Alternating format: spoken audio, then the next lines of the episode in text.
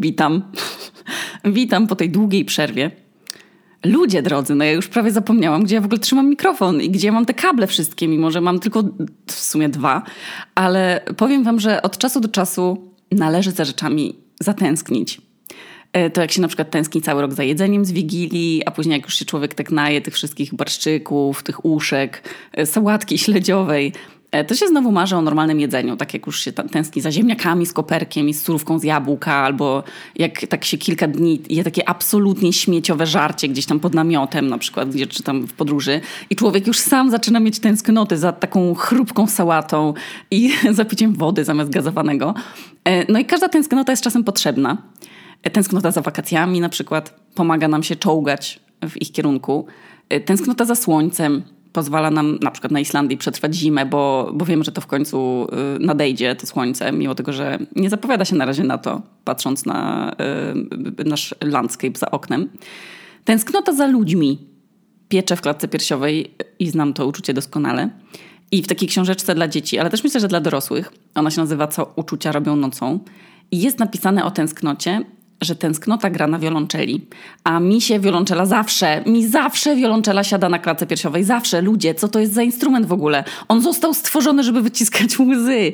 Jak jest jakakolwiek piosenka i wchodzą skrzypeczki i wiolonczela, to ja już zamieram i mi kruszeje klatka piersiowa. No ale czemu mówię o tęsknocie? Bo się stęskniłam.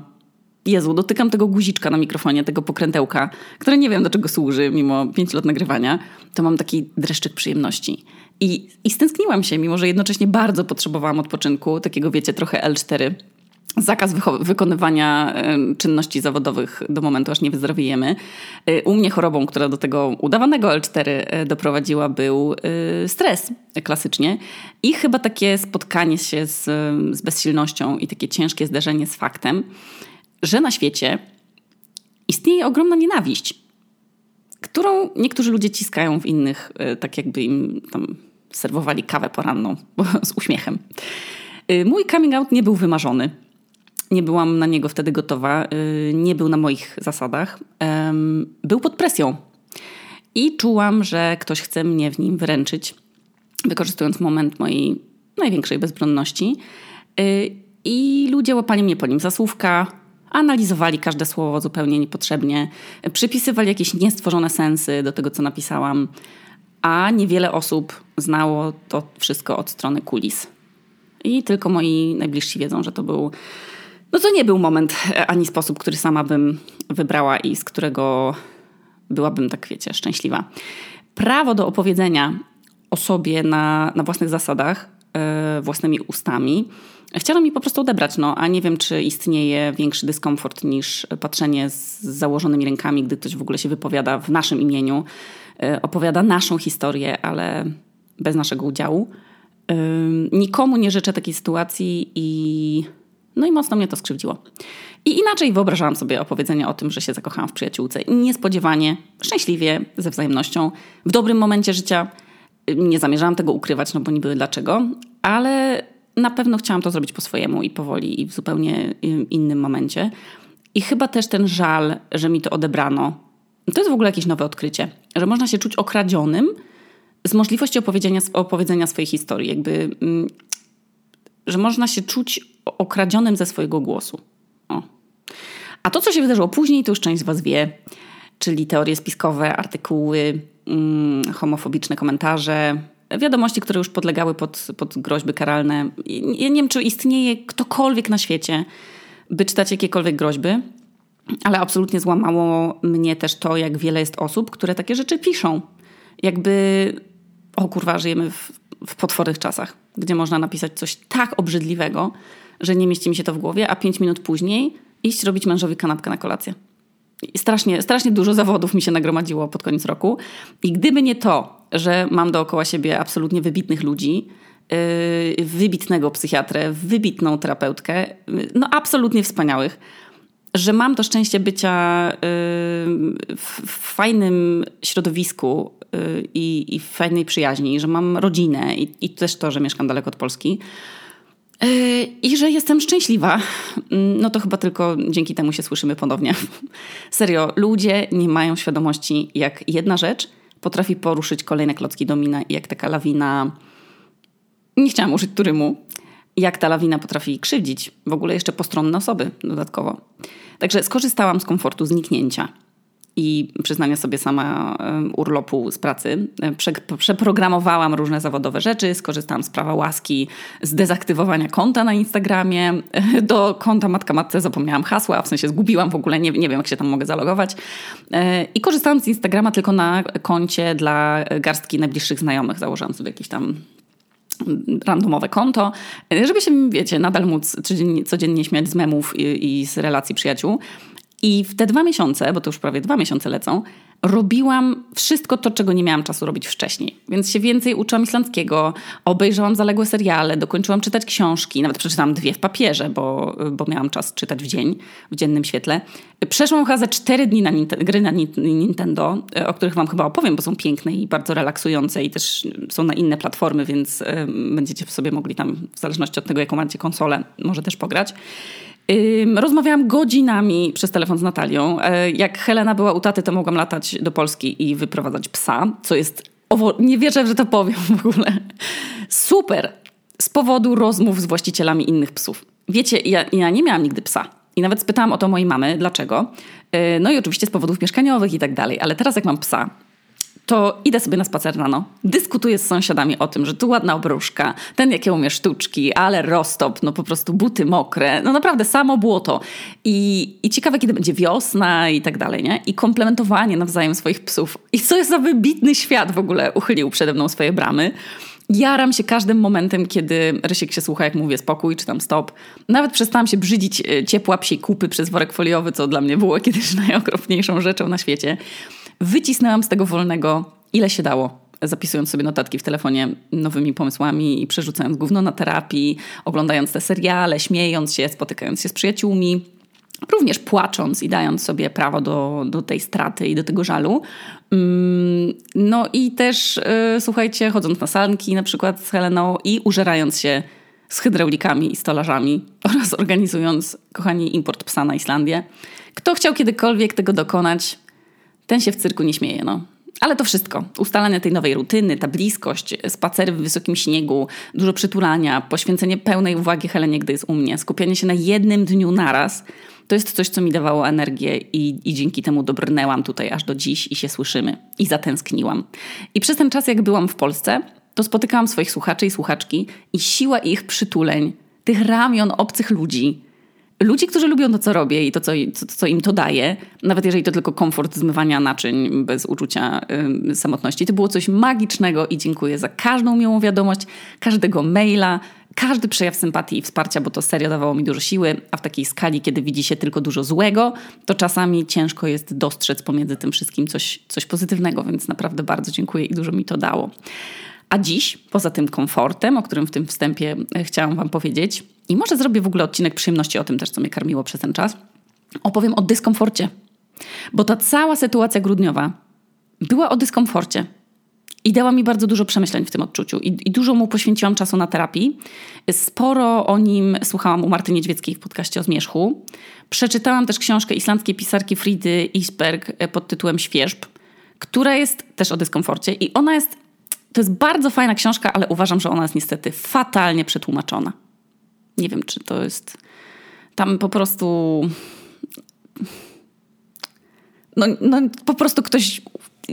Ktoś chciał, ktoś chyba nie jest na bieżąco z młodzieżowym słowem roku, ale, ale w tej książce, która, która jest bardzo ciekawa i fajnie się czyta jeszcze mieszkając w dodatku w Reykjaviku i znając może trochę te, to środowisko, yy, tam pada takie zdanie – można śmiać się jak ocean i płakać jak ocean.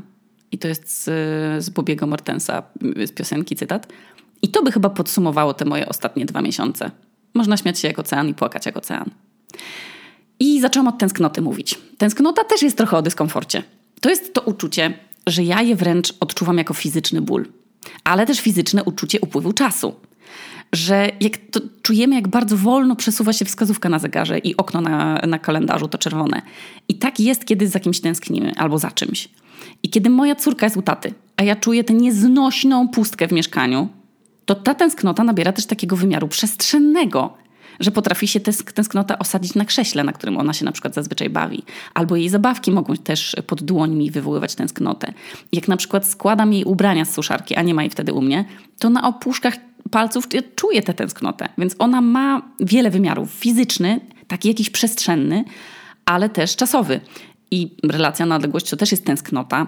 I nie wiem, jak robiono to kiedyś, kochani, w przeszłości, kiedy nie istniały telefony z internetem i czaty wideo, loty samolotami. Nie, nie wiem, przysięgam, aż mnie boli brzuch, jak o tym myślę, że ktoś szedł do wojska na przykład i można było do niego raz w tygodniu zadzwonić, jak Bóg dał. No. Jak moja mama to znosiła i mój tata, jak oni do siebie, oni korespondowali ze sobą listami, jak mieszkali na, na odległość. Jak to jest możliwe?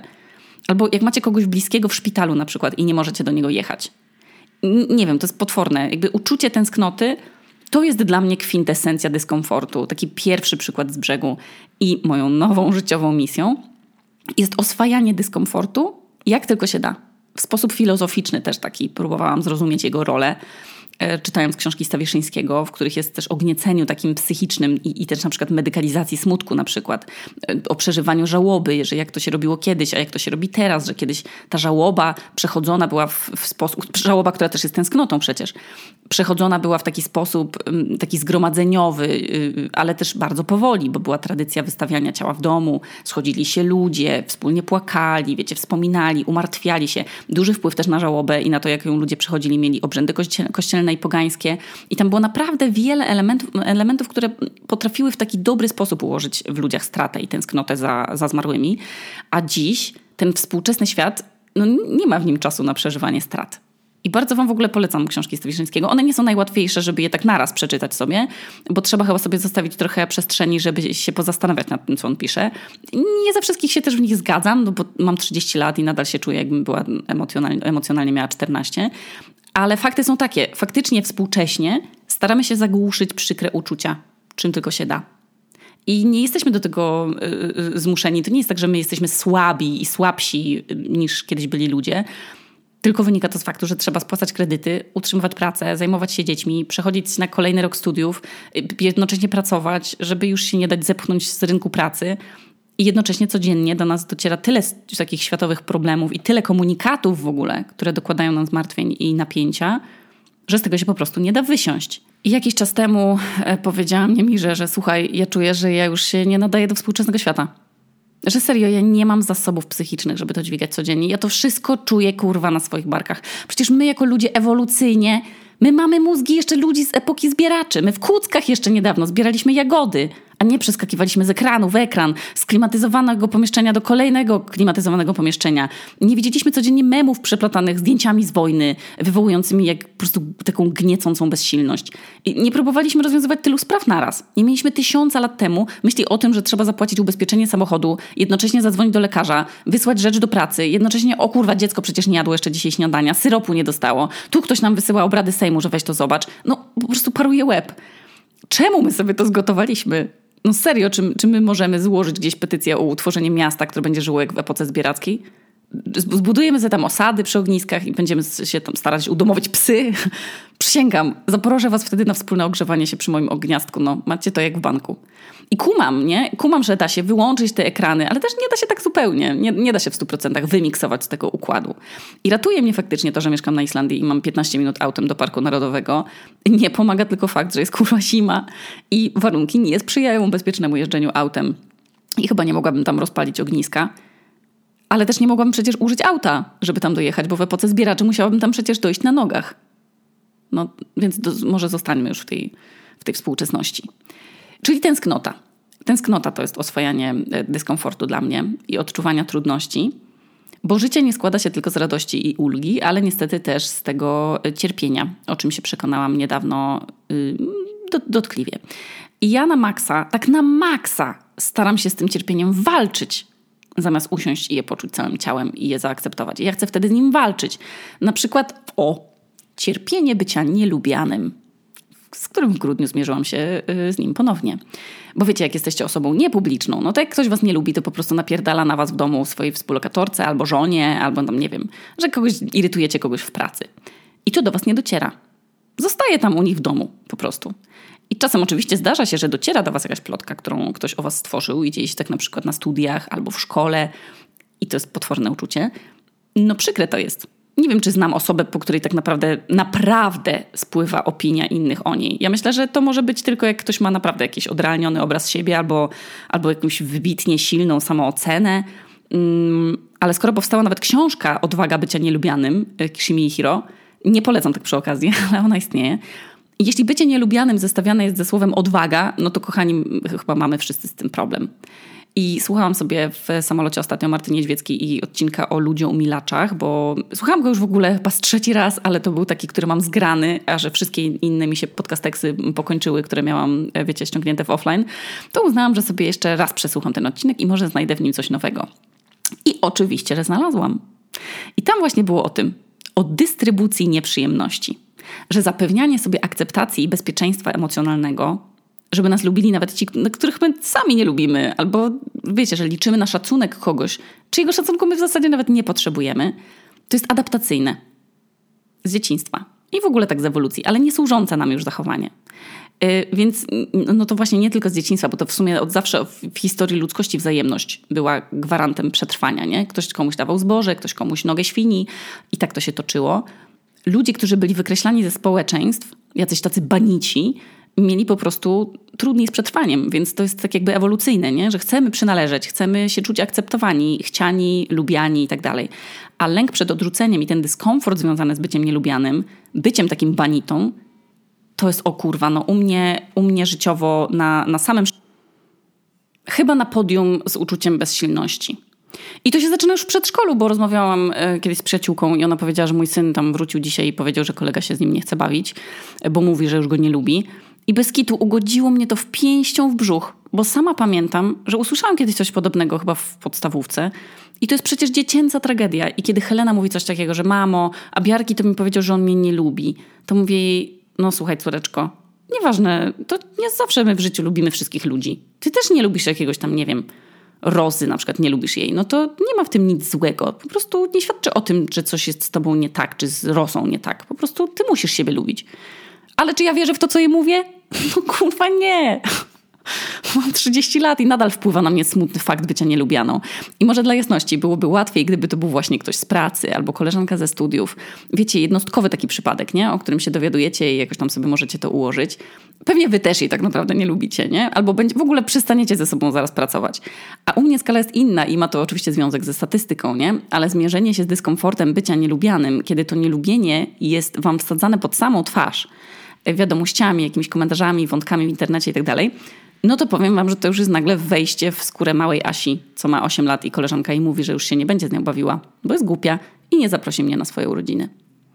Tylko, że tu też jest gwiazdka, nie? Bo czym innym jest bycie nielubianym przez osoby, które znacie, z którymi macie kontakt, a czym innym jest bycie nielubianym przez osoby, które nigdy w życiu nie miały z wami kontaktu nawet.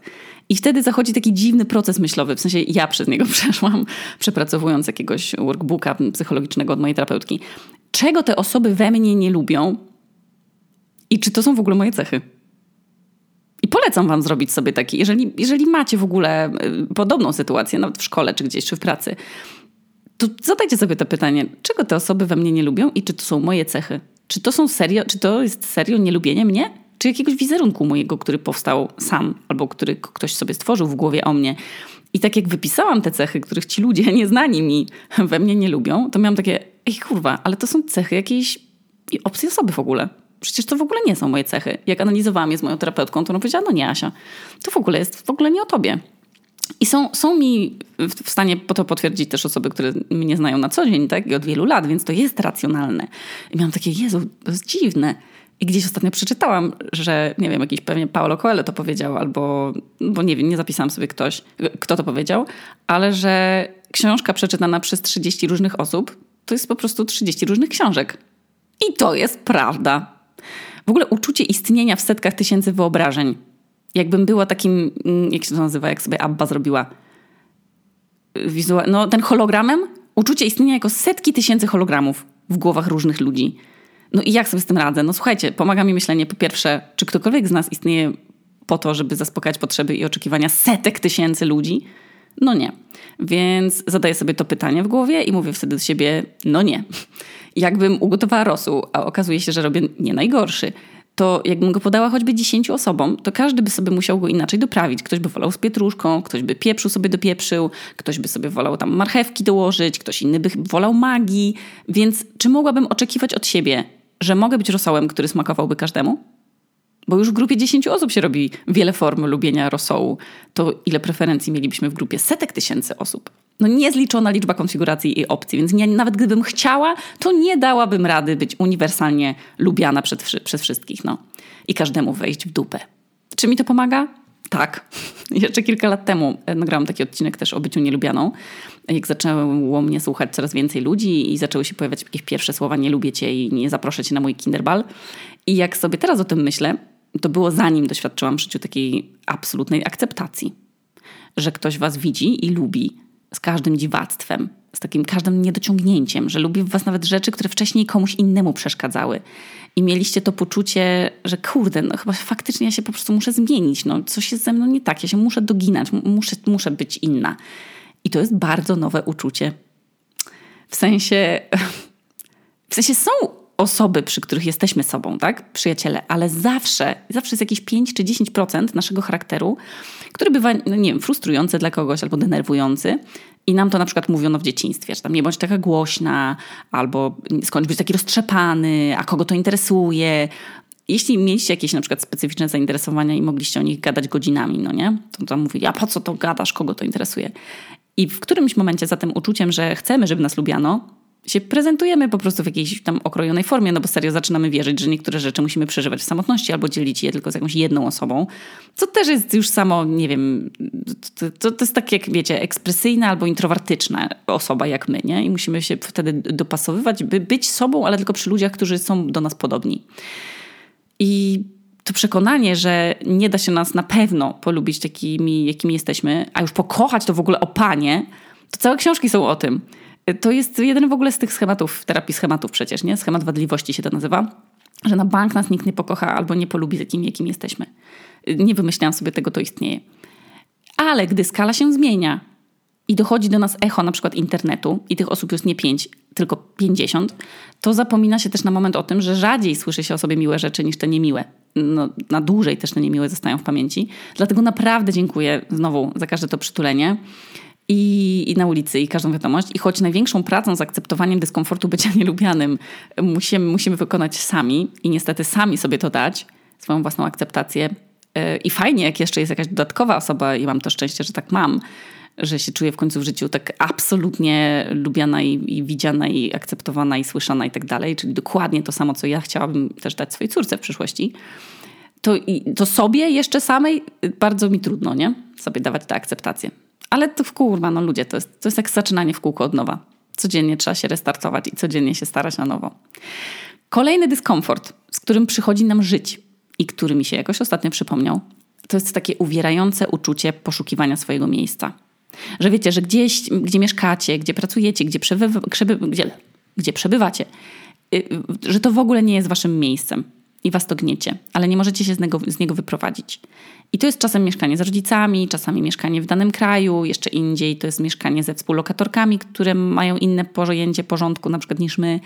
I przypomniało mi się to ostatnio, nie wiem czemu, może dlatego, że sporo czasu spędziłam w Polsce i nawet na nowo polubiłam różne rzeczy w niej, które mnie wcześniej denerwowały albo których nie doceniałam.